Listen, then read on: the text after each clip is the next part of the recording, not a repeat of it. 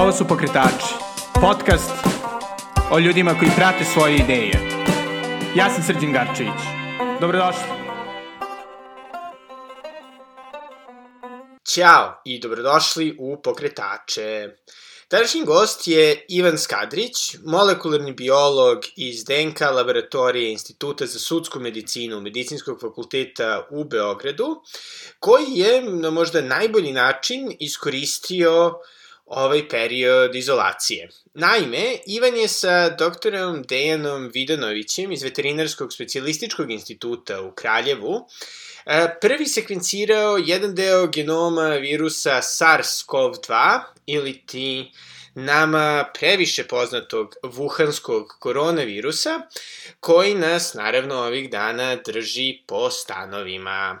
Sa Ivanom sam pričao prvenstveno naravno o rezultatima sekvenciranja, to jest implikacijama toga što su on i Dejan pronašli na olakšavanje trenutne pandemije, ali smo se isto dotakli i ključne uloge entuzijazma i osjećaja odgovornosti prema nekoj široj zajednici koji bi trebalo da postoji među naučnicima, a naravno povrh njihovog fantastičnog rada na njihovim doktoratima i standardnim e, naučnim poslovima. E, konačno, naravno, pričali smo i o mišljenjima struke, o najrazličitijim temama, pogotovo, naravno, o ključnom pitanju imuniteta, o kome se, jeli, dosta diskutuje, e, ali, naravno, i o tome kako zapravo izgleda bavljenje molekularnom biologijom, što u ovakvim trenucima, što i u nekim normalnim okolnostima. Međutim, naravno, kao i uvek, e, pre nego što čujete Ivana, zato što e, se ne reklamiram i nema nikako institucionalno finansiranje, želim da se pre svega zahvalim svojim fantastičnim mecenama koji su odlučili da nastave da podržavaju što ovaj podcast, što moj blog The Nutshell Times. Posebno sam zahvalan e, doktoru Branku Milanoviću, koji je odlučio da donira ovoga meseca. Branko, hvala vam puno, izrazito vas naravno poštujem, e, a naravno bih hteo da pozovem i sve vas koji i pored ovih jeli, teških uslova mislite da bi vam bilo zanimljivo da donirate i da to uradite na adresi patreon.com kosacrta Belgrade ili na mom Paypalu na paypal.me kosacrta s Garcevic. Takođe, naravno, za kraj želim da se zahvalim i vama koji ovo uopšte slušate. E, primetio sam da, e, kako ste, jeli, nažalost, zatvoreni, malo više posvećujete pažnju podcastu. Nadam se da vam pomaže i da vas inspiriše. Konačno, jeli, bez duženja, ovo je Ivan Skadrić. Sada da, da krenemo, Ivana, ti si ovde sa vrlo uzbudljivom vešću. A, ti tvoj tim ste uspeli da sekvencirate našeg novog neprijatelja, pa čisto ako možeš otprilike da objasniš šta zapravo to znači i koje su kao saznanja? Pa evo, prvo da kažemo, ovi, reklo bi se da taj naš novi neprijatelj nije toliko nov, da ovi, neki se procene da on ovi, se razdvojio kao zasebna linija pre nekih 40 godina od svojih uslovno rečeno srodnika. Nakupljenje mutacija ovaj, zadobio tu novu formu koja ga čini ovakvim kakve jeste. Vidimo da je poprilično infektivan. U vezi sa tim bilo je potrebno jel te upoznati ovaj, njegova svojstva a, i detaljnije upoznati njegov genom. Njegov genom nije nepoznata stvar, dakle, od kako je se pojavio tamo u decembru, otprilike, jel te, u Wuhanu. A, u ovoj najnoviji iteraciji, jel? Mislim, pošto je ovo skroz novo ili je već i ovaj tip virusa postojao 40 godina, samo nije?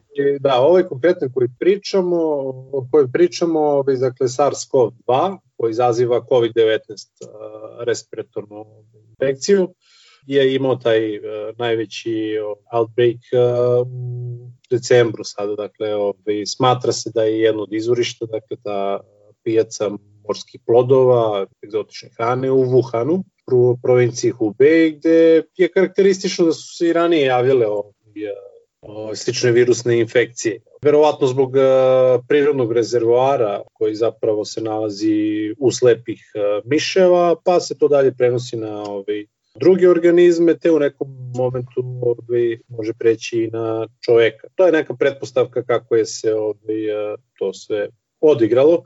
Naravno da ona nije 100% izvesna i da tu postoje nekakve nove modifikacije. U svakom slučaju, ovaj, kako krenula epidemija u Kini, dakle pre proglašenja pandemije. Kineski naučnici su uh, jako brzo sekvencirali uh, kompletan genom virusa, što danas nije toliko izazovno niti ništa da kažem, spektakularno i specijalno. Prosto takva tehnologija postoji već nekih bez imamo pa kažemo da se koristi poslednjih 10 godina, a već 13 mm. do 15 godina. A, tako da Kinezi su jako brzo jel te, objavili tu sekvencu što je omogućilo drugim ljudima da se upoznaju da vide koje su to razlike u odnosu na a, druge koronaviruse. Ovaj sad, možda bi trebalo za početak da kažemo nešto ako uopštenije o, o, o koronavirusima. Dakle, se dosta fokusiramo na jedan konkretan ili možda tek par primjera, u suštini ovaj, postoji četiri familije, dakle alfa, beta, gamma i delta, a nama su poznati sedam predstavnika pod familije alfa, beta, gamma i delta. Unutar beta familije, dakle beta koronavirusa, spadaju i oni prethodni prvi SARS i MERS koji je izbio na Bliskom istoku, koji su bili dosta ovaj, letalniji nego, nego ova sada ovaj, verzija, ali su se malo manje prenosili ovaj, sa organizma na organizam. Dakle, bili su nešto manje infektivni i to je, smatra se pretežno ovaj, zbog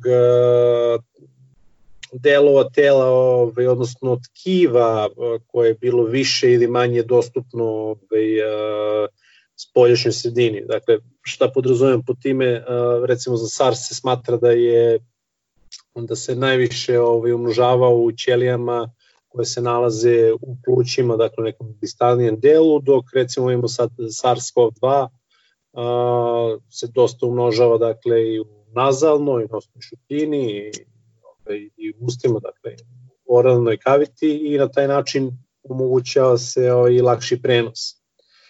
Ove, to su neke, neke specifičnosti ovaj, uh, ovog COVA-2, dakle, kažem, unutar iste podfamilije, dakle, beta koronavirusa.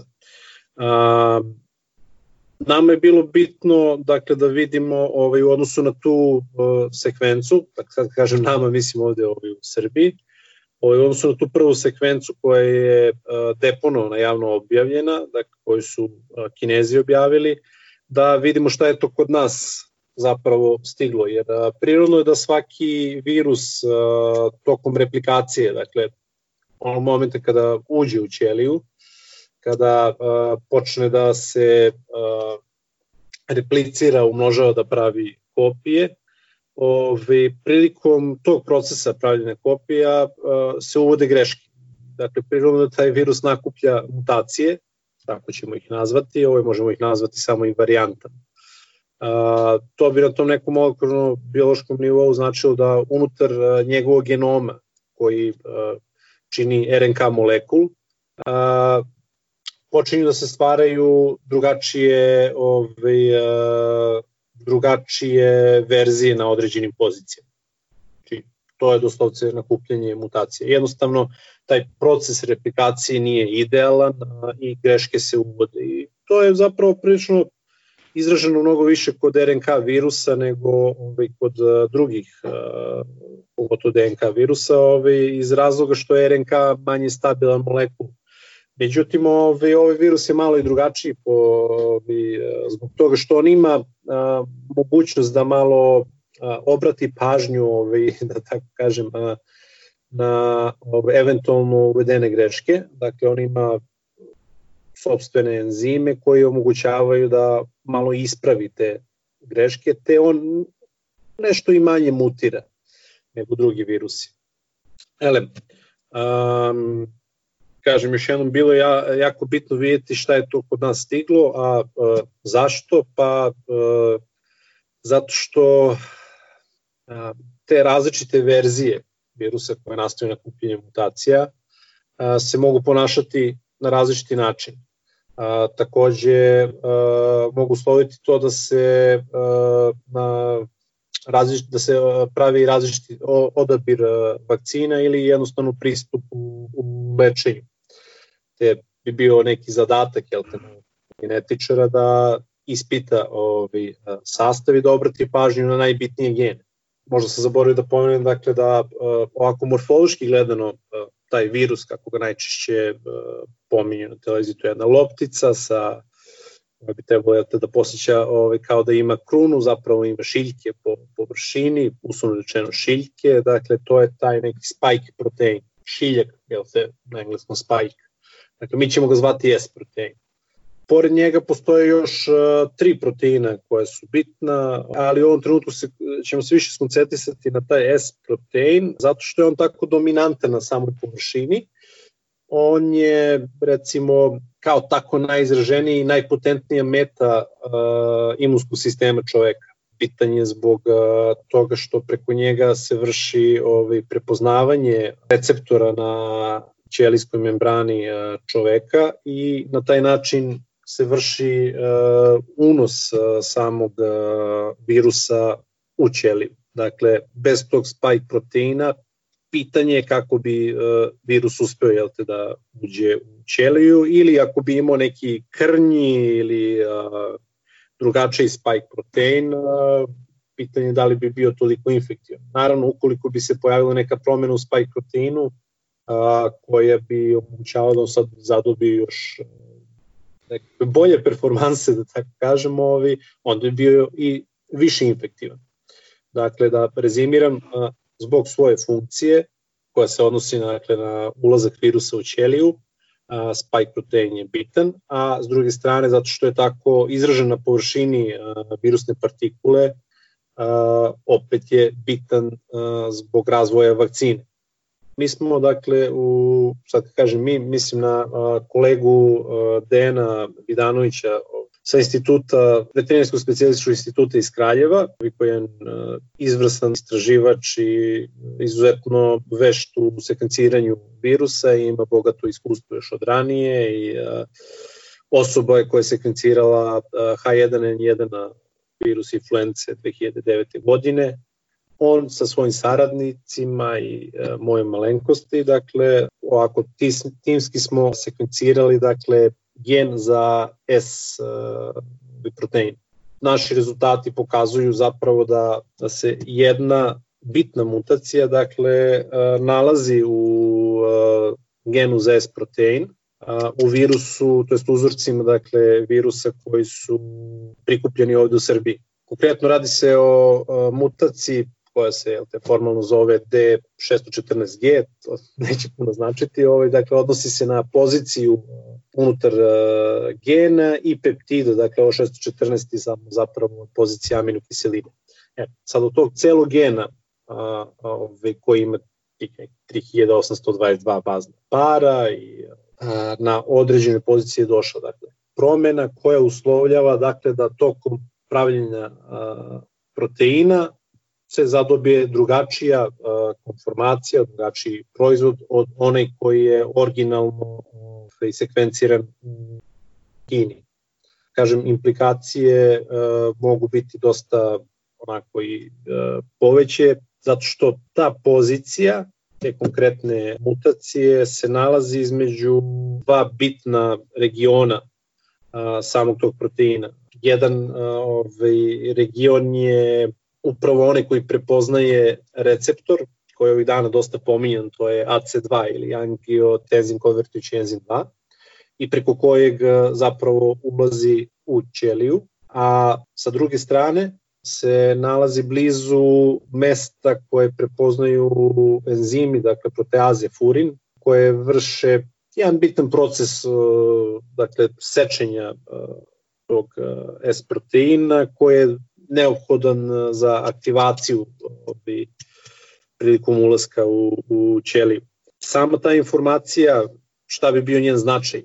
Ona može promeniti zapravo naše viđenje funkcionisanja S proteina, zato što ovaj, ukoliko bi se ona povezala sa nekom kliničkom slikom, mada već jeste povezana na neki način, mogla bi da nam ukaže sa čim imamo posla trenutno ovaj, u, u, u Srbiji. Ona druga bitnija uh, stvar je da prilikom razvoja vakcine, pošto rekli smo da je taj S-protein poprilično bitan, potrebno je da njega prepoznaju jel te, ovaj, antitela koje stvara imunski sistem. Ta antitela mogu da budu vrlo specifična za, za to mesto. Dakle, ukoliko bi ta mutacija dovela do veće promene u S proteinu, antitelo bi bilo poprilično specifično za nju. I pošto je ta mutacija prisutna ovde kod nas, a recimo nije baš u svim drugim mestima gde, su, gde, gde je virus sekvenciran, ovi, moguće da i ne bi svaka vakcina ovi, sutra zapravo funkcionisala kod nas. Ukoliko je ta vakcina razvijena tako da prepoznaje S-protein, a sve su šanse da će tako biti. Jel? Ona zaista može imati veliki ovaj, uticaj za taj neki plan vakcinisanja, što naravno genetičke studije ne mogu da sada u ovom trenutku potvrde da daju konačan odgovor.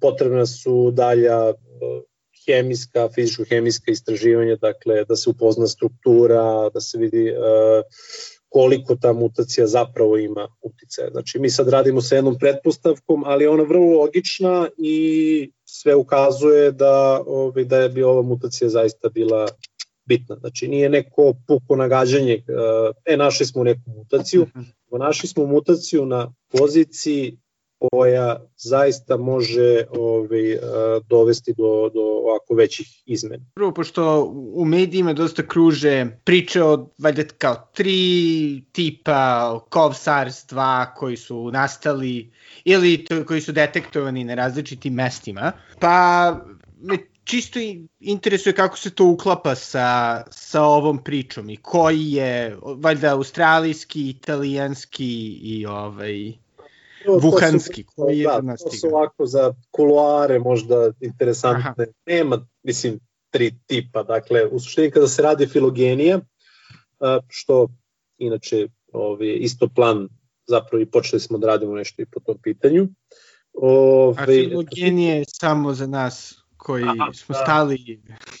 Filogenija je te nauka koja se uh, bavi uh, proučavanjem nastanka, odnosno evolucije, jel te, uh, i razvoja ovaj, neke konkret, nekog konkretnog taksona, jel te, mi biolozi smo to tako rekli, ali u suštini ajde gledamo neku vrstu pa da vidimo kako ona potiče, jel to, dakle kako se razvijala, ko su najbliži srodnici, kad su se tamo prošlosti ovaj, rastali i tako dalje.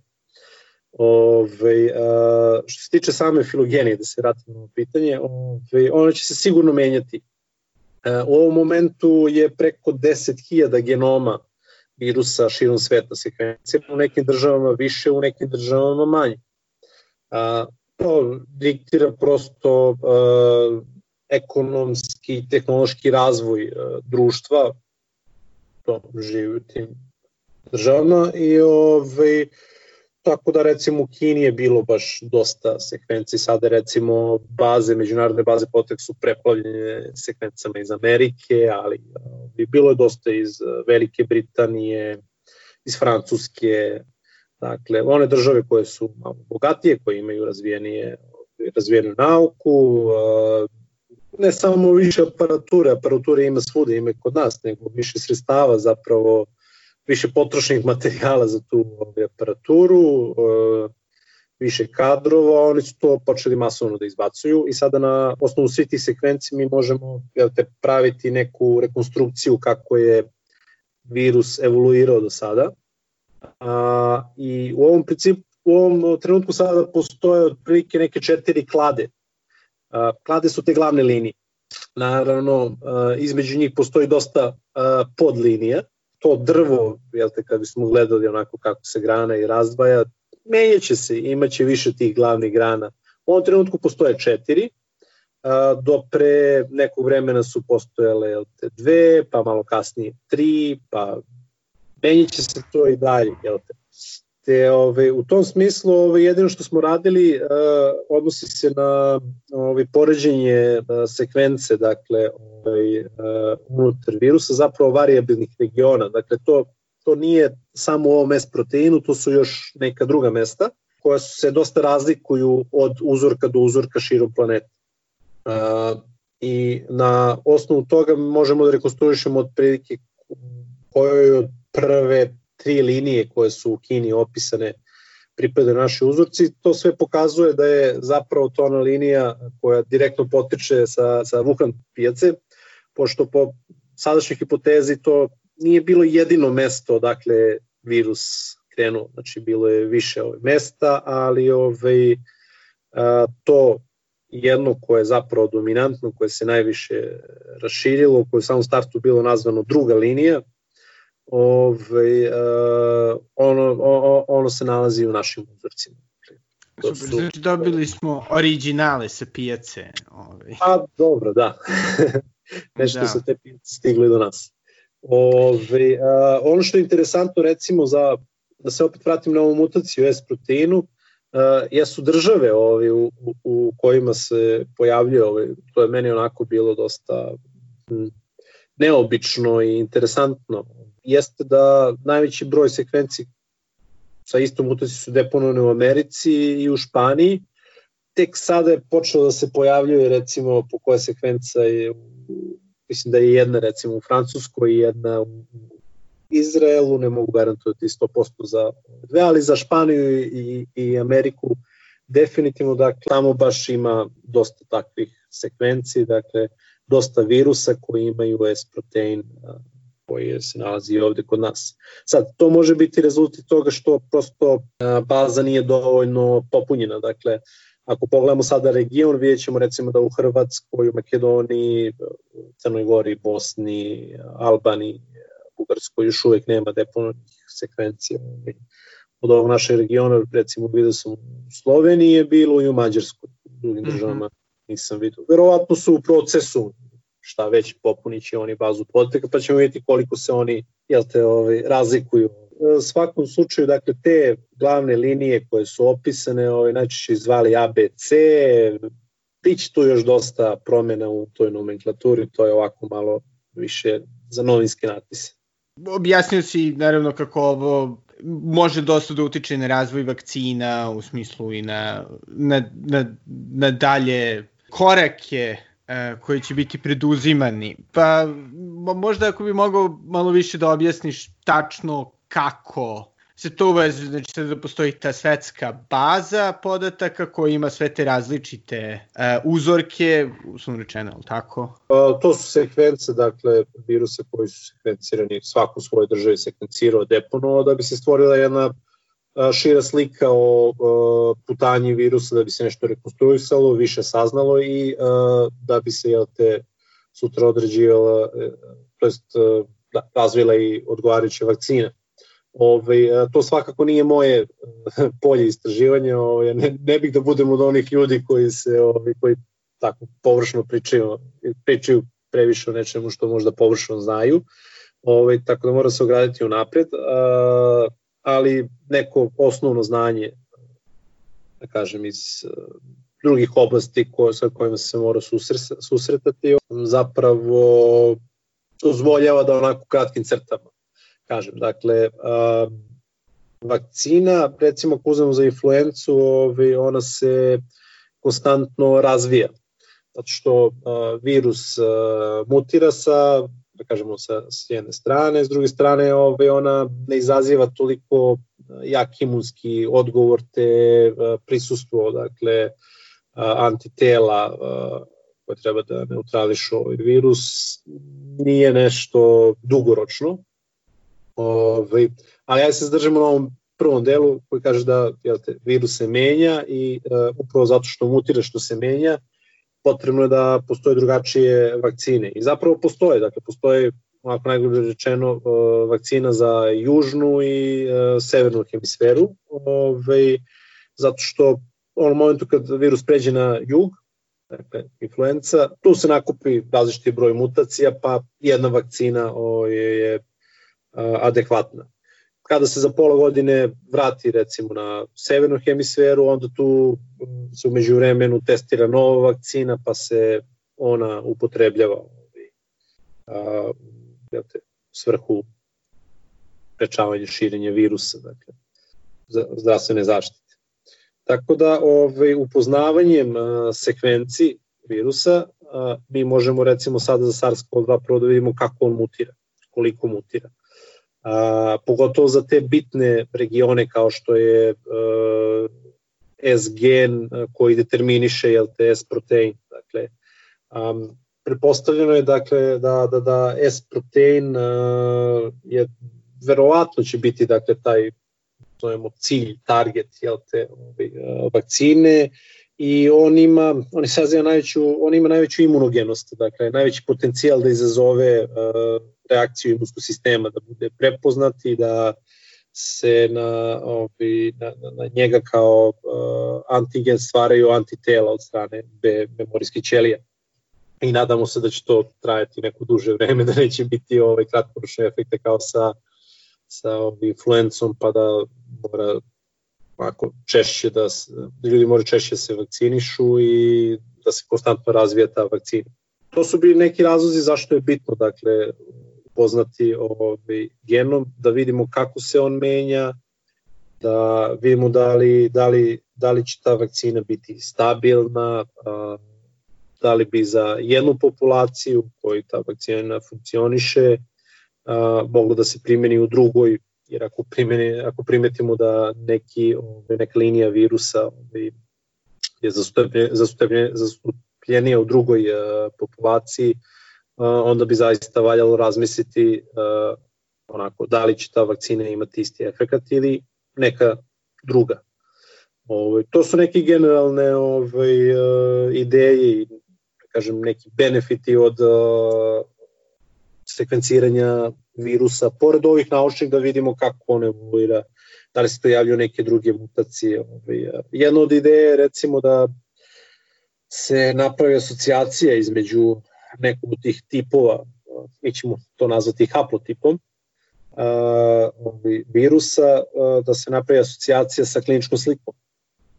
Da vidimo da li tu postoji neka razlika, možda prosto neki haplotipovi te, takvu kombinaciju gena da čine taj virus manje patogeni ili manje infektivni. Kako zapravo izgleda to sekvenciranje virusa, čisto ako možeš da ono, u kratkim crtama objasniš šta pa je to zapravo. Možda na početku razjasnili baš previše, dakle, ovaj, a, mi smo dakle krenuli sa idejom, mislim, ajde, može cela pričica od prilike, dakle, a, a, i pre ove epidemije ja sam malo pratio statistiku, sobstvenu sam zapravo, deskriptivnu statistiku ovaj, vodio ovaj, na osnovu informacija ovaj, koje je prenosio John Hopkins University, a ovaj, posle pre, možda isto vreme postao, ja sam kasnije prešao na ovaj Birdometer, Ove, i kako se zove, meni to nije izgledalo u samom startu baš kao nešto bezazleno i što će tako olako proći, ove, a onda kad sam vidio neke mere koje su preduzete u Kini, na ovaj način koji nama evropljanima izgleda onako vrlo grub, zapitao sam se ako taj virus dođe ovde kod nas, da li ćemo mi moći to na isti način da suzbijemo kao, kao što su to radili u Kini. Moja hipoteza bila da nećemo moći i da bi se već trebalo na ovaj ili način pripremiti. A kada da je to otprilike bilo? Znači sada već ono, u januaru ili... Kraj januara, negde, polovina u stvari januara, pa onda od polovine ka kraju januara, tako negde onda bio onaj februar, ja sam zbog nekih, kažem, privatnih stvari se nisam toliko više fokusirao, imao sam neku pauzu od dve nedelje i nakon toga sam se opet vratio praćenju te situacije i to već ništa nije izgledalo dobro, već je bilo izvesno da, da se to ne može ove, izbeći. I kao što je rekao, moja lična prepostavka je bila da ovde na tu Evrope to neće moći tako lako da se suzbije, niti smo imali nekog iskustva skorijeg sa, sa epidemijama, ove, nismo nešto generalno disciplinovani, mislim, mentalitet je takav, to je sasvim redu, to se razlikuje od područja do područja. Međutim, ovi, ima to svoje prednosti i svoje mane. Tako da već tada sam imao neku ideju kako bi to trebalo odmah uraditi ovde kada, kada se pojave prvi slučajevi, ali mislim zapravo izbijanjem epidemije dolaskom ovaj, i u naše dvorište ovaj, prvo sam se malo bavio ovim bitnim egzistencijalnim pitanjima da ovaj, budem siguran da, ne znam, će moja majka, jel te, ima 65 godina, ostati u kući, otac i tako dalje. I odmah nakon toga uvedene su mere zabrane kretanja, jel te, pošteni režim i tako sad našli smo se svi kući i onda sam rešio da, da ovaj, na uštrb pisanja doktorata ovaj, krenem u, u ovu, da nazovimo, avanturu, jer nekako mi je delo kao nešto što može imati opšti značaj. U tom trenutku ono što sam mogu da uradim jeste da kontaktiram ljude sa kojima sam ranije nešto radio i ovaj, opet da pomenem doktora Dejana Vidakovića ko, sa, kojima sam, s kojim sam već ovaj, učestvovao u sklapanju genoma uh, virusa, Newcastle virusa koji je ovako bitniji da kažem za ovaj, veterinu, mada je i zoonoza, to je dakle bolest koja se može preneti na čoveka u nekim slučajevima, pa je eto, tako bio interesantan. I znam da je gospodin Dejan Vidanović ima ogromno iskustvo u, sekvenciranju i da je da ima čak i uh, aparat ovaj, malo te novije ovaj, uh, generacije tehnološki, ovaj, da bi bilo ovaj, sasvim odlično, dakle, odlična stvar da to uradimo. Ovaj, samo je trebalo dakle osmisliti eksperiment i uraditi neku bioinformatičku obradu pre, pre samog tog poduhvata. To je više, da kažem, moj deo posla. Nakon što sam kontaktirao doktora Vjanovića, onda smo ovaj, uh, se dogovorili, složili da bi to bila odlična stvar da krenemo i ja sam započeo sa svojim zadatkom, to je ovaj, uh, skidanje, dakle, pronalazak što većih uh, broja sekvenci, uh, koje već su iako su bile dominantno iz Kine, bilo je već iz uh, drugih država, njihova, njihova analiza i uh, dizajniranje primera. To su uh, mali molekuli koji su jako bitni za sekvenciranje. Dakle, sama tehnologija zahteva da se poznaje unapred sekvenca i da se naprave ti mali oligonukleotidi od kojih kreće sekvenciranje. Kada se sekvencira nešto što je kratko, on je poprilično jednostavan. Kada se sekvencira recimo ceo gen, to je malo kompleksnije jer potrebno je sa ceo taj gen sekvencirati iz više delova. Dakle, za svaki deo se posebno prave primeri i treba, potrebno ih tako dizajnirati da oni međusobno nemaju interakcije kako ne bi blokirali slučajno sekvenciranje i doveli jel te, do izostanka nekakvih optimalnih rezultata ali to, da kažemo, ovaj, je bio taj bioinformatički deo posla koji je oduzeo nekoliko dana i to više zbog provera i budemo sigurni da će sve to raditi. Nakon toga, nakon dizajniranja primera, ovaj, uh, ja sam te iste prosledio ovaj, uh, dalje kolegi koji je radio, ovaj, koji je sekvencirao ovaj, u laboratoriji eh, genom virusa. Umeđu vremenu ovaj, laboratorija u kojoj on radi je počela da se bavi diagnostikom virusa, tako da su imali ovaj, eh, na raspolaganju uzorke, ovaj, te su mogli da pristupe sekvenciranju. Dakle, eh, to se odnosi na sekvenciranje samog ovog S-gena, kao izuzetno bitnog, i tih nekih variabilnih regiona koji su nama bitni za filogeniju. A, pored toga u planu je pa i započeto ove, sekvenciranje kompletnog genoma, kako bismo sad i ove druge regione koje po našoj prepostavci nisu toliko bitni kao S-protein, ali e, to ne znači da nisu uopšte bitni, bitni su. Ovi, kako bismo odredili celokupan genom i, i to objavili ovaj, e, kako bih rekao, worldwide, jel te? Da. da da bude od koristi, ovi, da i mi popunimo tu bazu podataka gde kažem ima više od 10.000 sekvenci i iskreno lično me malo nerviralo što nekako uvek kaskamo u tim stvarima jer da smo čak mogli nešto brže da krenemo dakle u trenutku kad, kad smo već imali primere kada smo samo čekali na uzorak se spremno ovaj, bilo nekih ne znam 100 do 200 genoma objavljeno deponom u bazi podataka, sad je to kažem već ogromna cifra, ali dobro, nikada možda nije kasno, jel? opet za ovaj, uh, manji tim ljudi koji su tako krenuli entuzijastično, ovaj, mislim da je i to nešto. I je li ovo otprilike ono što te je, mislim ovakvi zadaci su nešto što te je ovaj, privuklo molekularnoj biologiji pa, ili si zamišljao svoj posao da. drugačijim? A, ne, ovo definitivno jeste, mislim, zato što je cela situacija je takva da bi ovaj, potrebno uraditi nešto što će biti uh, opšte društveno uh, korisno i ako čovjek posjeduje neko znanje, ovaj, potrebno je da, čini mi se da je svim u redu da, da ga stavi na raspolaganje, da stavi svoju službu na raspolaganje, jer vidimo kad dođe ovako ovaj, neko nesretno vreme ili neka vanredna situacija, ovaj, potrebno je neko vreme da se sistem organizuje. Dosta zavisi, čini mi se, od pojedinaca i, i svih tih altruističkih postupanja, dakle, kako će jedna individua, koliko, koliko, kako sebe vidi i uh, koliko je sigurno sebi, koliko misli da može da pomogne. Ove, ovaj, I naravno da bude realno u tome, da nema nekakve nenormalne ambicije, ali takođe da ne misli da, da, da ne može ništa da uradi. Znači, zaista treba pokušati, jednostavno treba uložiti ovaj, nekakvog napora i pokazati neku volju i kraju krajeva, ovaj, da kažem, na neki način uh, realizovati nekako svoje znanje koje, koje se nakuplje te godinama. Ovaj, e, tako da da, odgovor bi bio definitivno da ovo jeste nešto čime bi čime se ja jel te, i inače bavim i čime bih se ovaj, bavio. Mislim, nije mi prvi put da dizajniram jel te, primere. To nije neka velika stvar da se razumemo u molekularnoj biologiji i molekularnoj genetici. Ovaj, nekada može biti kompleksna, a nekada i nije toliko kompleksna. Jel te.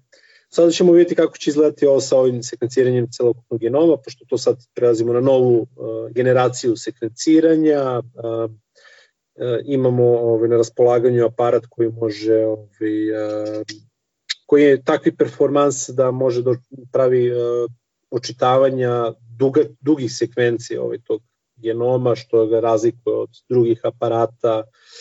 Tako, Ove, I prilično je dobro zapravo za sekvenciranje ovog virusa, pa krenut ćemo uskoro i u, i u tu avanturu, ja se nadam što pre. Mislim, na neki način i krenuli smo jel, da radimo, ali dok ne vidim rezultate ne želim da da, da, da. pričam ovaj nešto više, jer da zahteva da potrebno je neko vreme da se ti rezultati ovaj, obrade, pogotovo kada se dobiju ove informacije, kažem, sa, sa ovih uh, novih mašina, jel te? mi ih nazivamo sekvenatori Ovaj, on nastupa dosta bioinformatički obrad. I ono što je dosta bilo zanimljivo, pratići medije, to što nekako je delovalo da, da se nauka ili e, popularno rečeno, banalno rečeno, mišljenje struke dosta brzo menja. E, tako da nemam pojma ono. Konkretno eto recimo za hlorokvin da je dobar, nije dobar, pa je ponovo dobar. E, bez ono priče o konkretnim stvarima, ipak mislim nismo ovaj, estradne ličnosti da možemo da se bavimo najboljim načinima, načinima za lečenje. Ovaj, mene baš interesuje kako sa aspekta nauke uopšte izgleda ta količina podataka, pošto pretpostavljam da, si, da se svako u svom delu bavi istraživanjem virusa na najrazličitije moguće načine, najrazličitije moguće implikacije. I čisto, čisto mi interesuje kako tebi izgleda kad vidiš ono, sve nove radove koji su ovaj, objavljeni u proteklih 24 sata, od kojih pretpostavljam da većina nema neku preteranu naučnu proveru. I kako otprilike tu sortiraš šta ima smisla? Ovaj, dosta je, zaista dosta informacija i sad ovaj, to struka, mislim, kako bih to rekao, ono, ima ima to dosta veze neki način i sa estradom, jel te? Ove, a, neredko neki ljudi često vole to da izlazi. Možda to opije čoveka konkretno, mislim, svako ko, čak i ako je dobar stručnjak, ovaj može se opiti malo i, nastupom u medijima, pa tako, izaći van svog polja, čak i ako ostane u svom polju, mislim, ne mora znači da je u pravu za sve, jel? Ove, Jeste i mene iznenadilo ovaj, podosta to što bismo više mi sad nekako teško da izgovorim tu reč struka, jer toliko je ovaj promiskuitetno ovih dana. Da. Dakle, a, a, ljudi koji bi trebalo da su eksperti u svojoj oblasti, ovaj, tako, su izašli sa dosta različitim predviđenjima. Mislim da to bilo izraženije u samom startu ove, ove pandemije, jer da, jeste, nezgodno je, ovaj, bila su jako, jako različita predviđenja, bilo je od ljudi koji su govorili da će biti smak sveta, do onih da kao teorije zavere nije ništa, ne znam, tako dalje. Zaista se ponekad zapitam kako je kako čovek koji treba da bude vrstan u svojoj struci, mislim, koja nema vezenica sa medicinom, i biologijom, epidemiologijom, virusologijom i čim god, ovaj, kako se on u svemu tome snalazi, kome onda veruje. Mislim, to je zaista jedno odlično pitanje. Ovaj, ja mogu više pričati iz ličnog aspekta. Ovaj, ja pročitam dosta radova. Onako dosta radova. Onda prolazim kroz uh, naučne forum i ovaj, kad se upoznam sa svim tim, ovaj, opet uzimam sa rezervom ovaj, sve te podatke, ovaj, informacije, jer dok nešto ne prođe kroz moje ruke i da vidim da u laboratoriji radi, ovaj, nemam previše poverenja. Ovaj, što se tiče radova, da, sada je sigurno problem, ali da se razume, taj problem postoji i od ranije. Dakle, uh, sad to neće znati ljudi ovako ovaj, do oni koji se bave molekularnom ili recimo ti primeri koji sam pominjao. Dešava se nekada da nađete rad koji je prošao recenziju, objavljeni u dobrom časopisu i tamo neko objavio primere, dakle tu informaciju, sekvencu koju vi možete da koristite. Vi poručite to sve, uložite mnogo truda, uđe, ono, uđe čovjek u laboratoriju i to i na kraju ne dobije ništa, jer mislim ti primere nikad nisu ni radili. Znači kao o... loši recepti ove, u...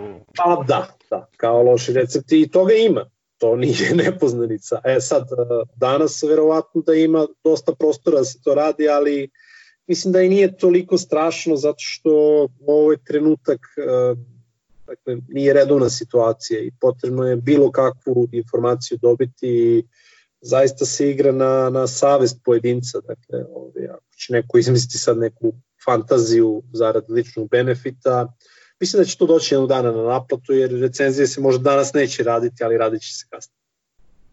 To će biti kratkoročna slava, a posle možda i velika sramota. Tako da sigurno do toga ima što se tiče nauke da tako se izlazi sa različitim podacima, ovaj, neki se mogu proveriti, neki ne mogu, eto, imamo za te medikamente za koje ne znamo dejstvo, ali tu do nekle mogu i da razumem jer ovaj kratak period da bi se nešto saznalo dejstvo nekog leka.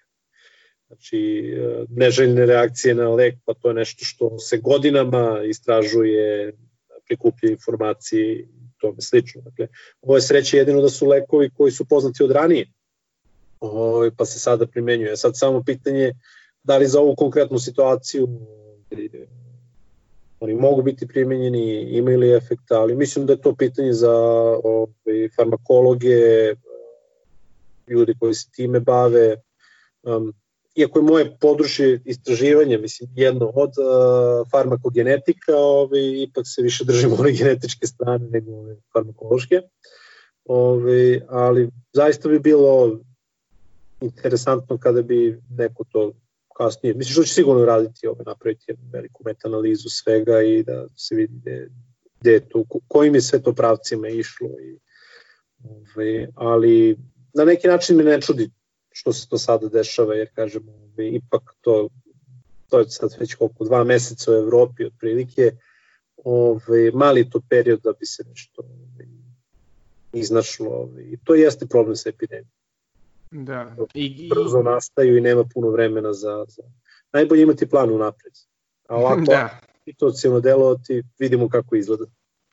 Da, da, da, da. A, ovaj, a sada, ajde kako se približavamo kraju, čisto mi interesuje možda najbitnije pitanje, jel postoji dokaz da zapravo ako preležimo ovu bolest, da zapravo ćemo imati ikakav imunitet? Jel, jel to uopšte zaključeno? Pošto mi deluje da je to na pitanje svih pitanja koje dosta informiše različite ove javne politike. Da, ako izgleda da nije zapravo rešeno. Da, ovi, pa, mislim, ja nisam najbolja adresa za to pitanje, dakle, to, to, to je ne, nešto što bi epidemiolog mogu da kaže, ali ovi, to ne može, ali ono što znam da ne može epidemiolog sada da kaže. Dakle, potrebno da prođe neko vreme da bi se videlo kako, kako je, kako je uh, organizam, odnosno imunski sistem svakog pojedinca ovaj, odreagovao na, ovaj, na susret sa antigenom a, koliko će dugo postojati neki optimalni titer antitela na konkretni antigen na SARS-CoV-2.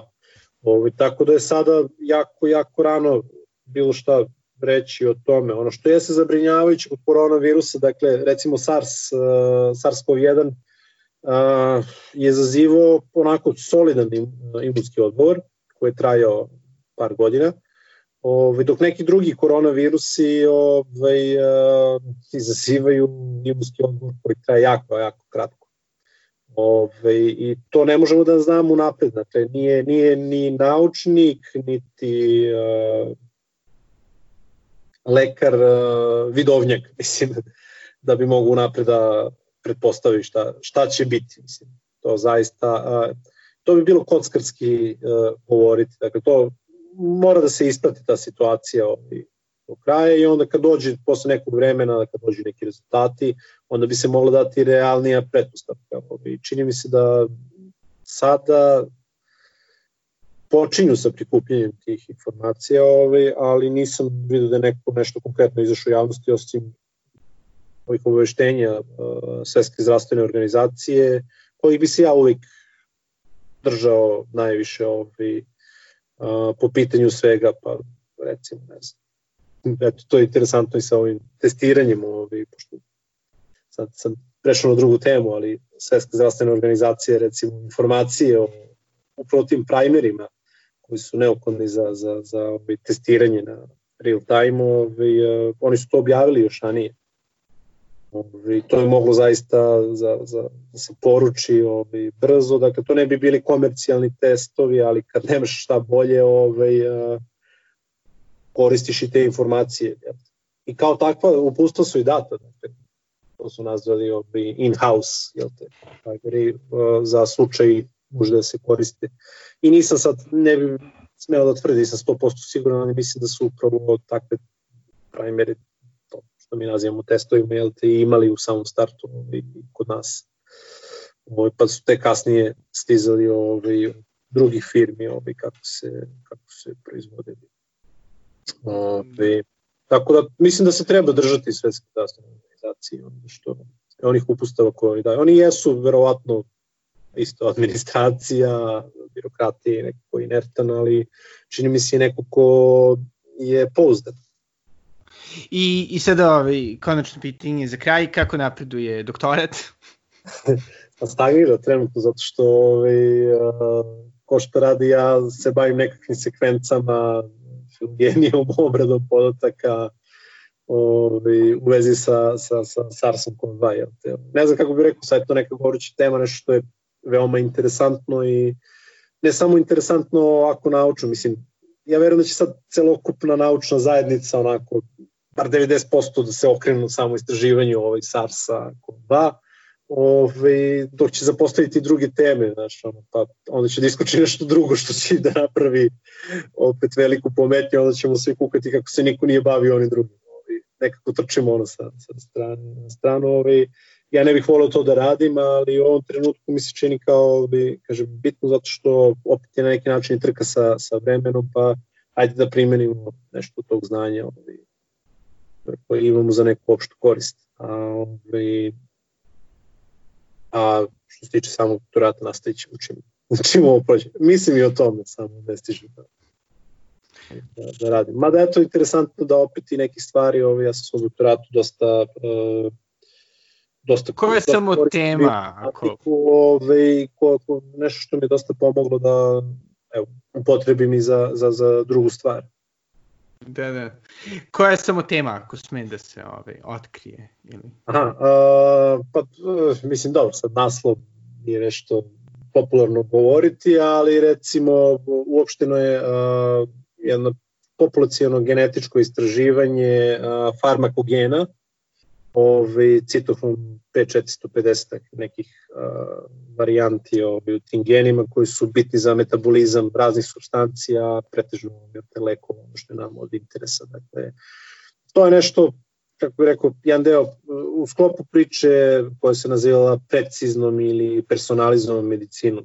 Vidim da su sad nešto pominjali da će se to raditi o BGI-ovom centru koji se kod nas zove po ovoj dakle, kineskoj mitologiji, jel te, vatreno, vatreno oko. Da. da, da, e pa pre nego što vatreno oko počne da prži sve okolo.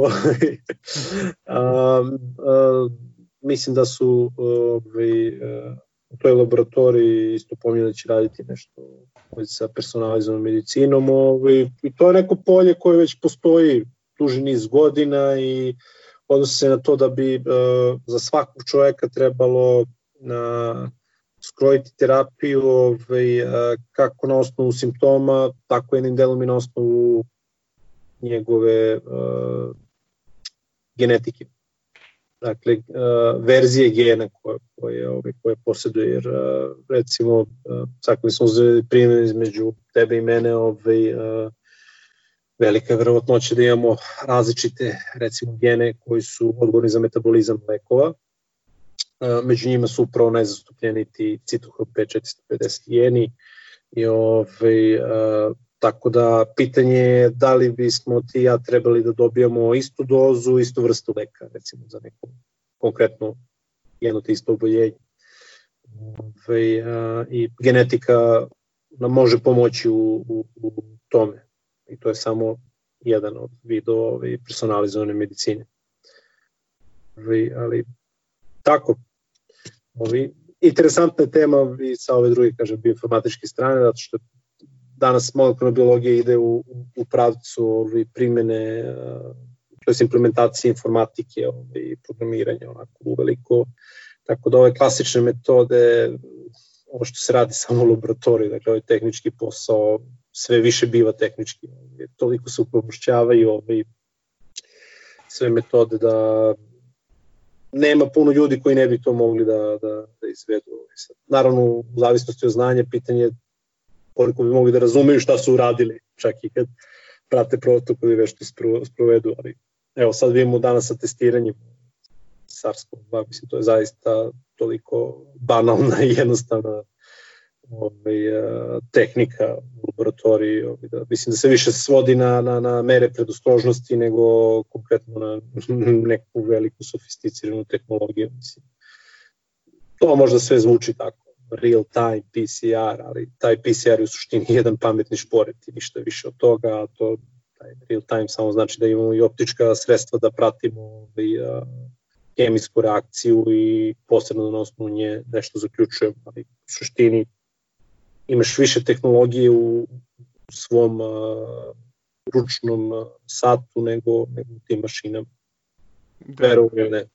O... Ja, meni je, mislim kao ono, detetu, ono, kasnih 80-ih, znaš, meni sva priča kao testiranje, sekvenciranje, la la la, znaš ono, budi sećanja na Johnny Questa ili ono, lupam sva neka ludila, tako da sve deluje vrlo onako da, cyber, što bi se...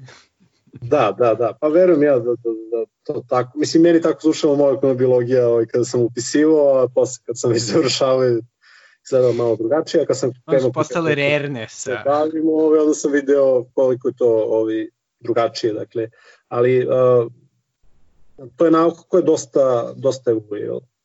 Ovaj, recimo to sekvenciranje je bilo nešto a nešto veliko, pa prvi put kada je sekvenciran skoro pa ceo genom čoveka, ovaj, to je bio projekat, mislim, koji je koštao milijarde, to je tako bilo predviđeno, kao sad će se razrešiti celokupna misterija, sve ćemo znati, tako. U suštini smo se uvakli u, ovaj, u još veće nepoznanice, jer smo tek shvatili koliko je genetika kompleksna.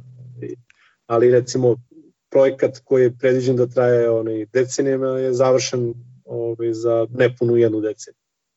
A, zašto? Zato što je razvoj tehnologije ovaj, među vremena, će se sve stvari brzima, da bi tek par godina kasnije ovaj, došli prvi aparati koji mogu u jednom danu da sekvenciraju više nego svi naučnici do tada zajedno.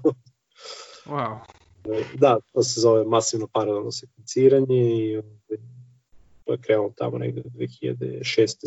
7. i ne bi verovao, isto su pokrenuli kao par entuzijasta ovaj, a, sa univerziteta u Britaniji, ovaj, ljudi sa, sa, sa idejom koji su tako napravili prvu firmu i kao nešto da rade, dok su bile druge neke ogromne firme, ali, ali nisu imali ideju. I sad se tržište malo preokrenulo i dosta se toga promenilo, kažem, sad je to sekvenciranje jedna rutinska stvar, radi se mnogo, sam imao prilike recimo da radim nešto što je uh, metagenomika, ovaj, odnosi se na uh, sekvenciranje mikrobioma ovaj, u raznim uzorcima, što nismo ni svesni koliko ima mikroorganizama jel, nas i koliko je to sekvenciji, koliko je to raznovrsnost života. Ovaj. To, mislim, ako je onako jako bogat uzorak i ako ima dosta taksona, različitih bakterija, gljivica, virusa, ovaj, to bude po više stotina genoma ovaj, i to ne u jednoj kopiji, u mnogo kopija ovaj, u jednom uzorku. Tako da to nije danas neki problem, više sada problem u nauci ovaj, e, pametno postaviti eksperiment, jer imaju ti e, te stvari koje su kao jel, te, stradi, da kad je nešto popularno, svi se uhvate toga i sad recimo čak i kad nema nešto pametno šta da kaže, oni kaže radili smo nešto sa najnovim tehnologijom. I, I to neko vreme pije vodu, onda, onda prestane kad svi počnu da rade sa novom tehnologijom. Bitno je nekad malo osmisliti da nešto zvuči Da. Čini mi se da, da neke te metode sa, sa početka 19. veka su jako bitne. Da, I sada da, da završimo ovaj, e, na početku, šta je tebe zapravo inspirisalo da se baviš molekul, molekularnom biologijom? Um, pa iskreno ja sam sasvim slučajno zalutan. Kako se odluči? Ove, ovaj, to, je, to, je, to je najiskreniji odgovor. Ove, ovaj, uh, totalno u drugom oblasti sam se bavio, nisam dugo vremena imao nikakve veze ni sa prirodnim naukama i to im bio mi je težak start, moram priznati ali ovaj, zavoli čovek ovaj, zato što kad otkriješ jednu novu dimenziju, ovaj, bukvalno novi svet, novi kosmos, ovaj, onda postane to jako, jako, jako interesantno, s tim što ima jednu veliku opasnost, to je da te ovaj, okolina neće razumeti, znači imaš jednu novu nomenklaturu, um, novi rečnik, nova interesovanja koje tako, mogu da zvuče kao wow, naučno, nije da je to toliko strašno teško, samo je nepoznato.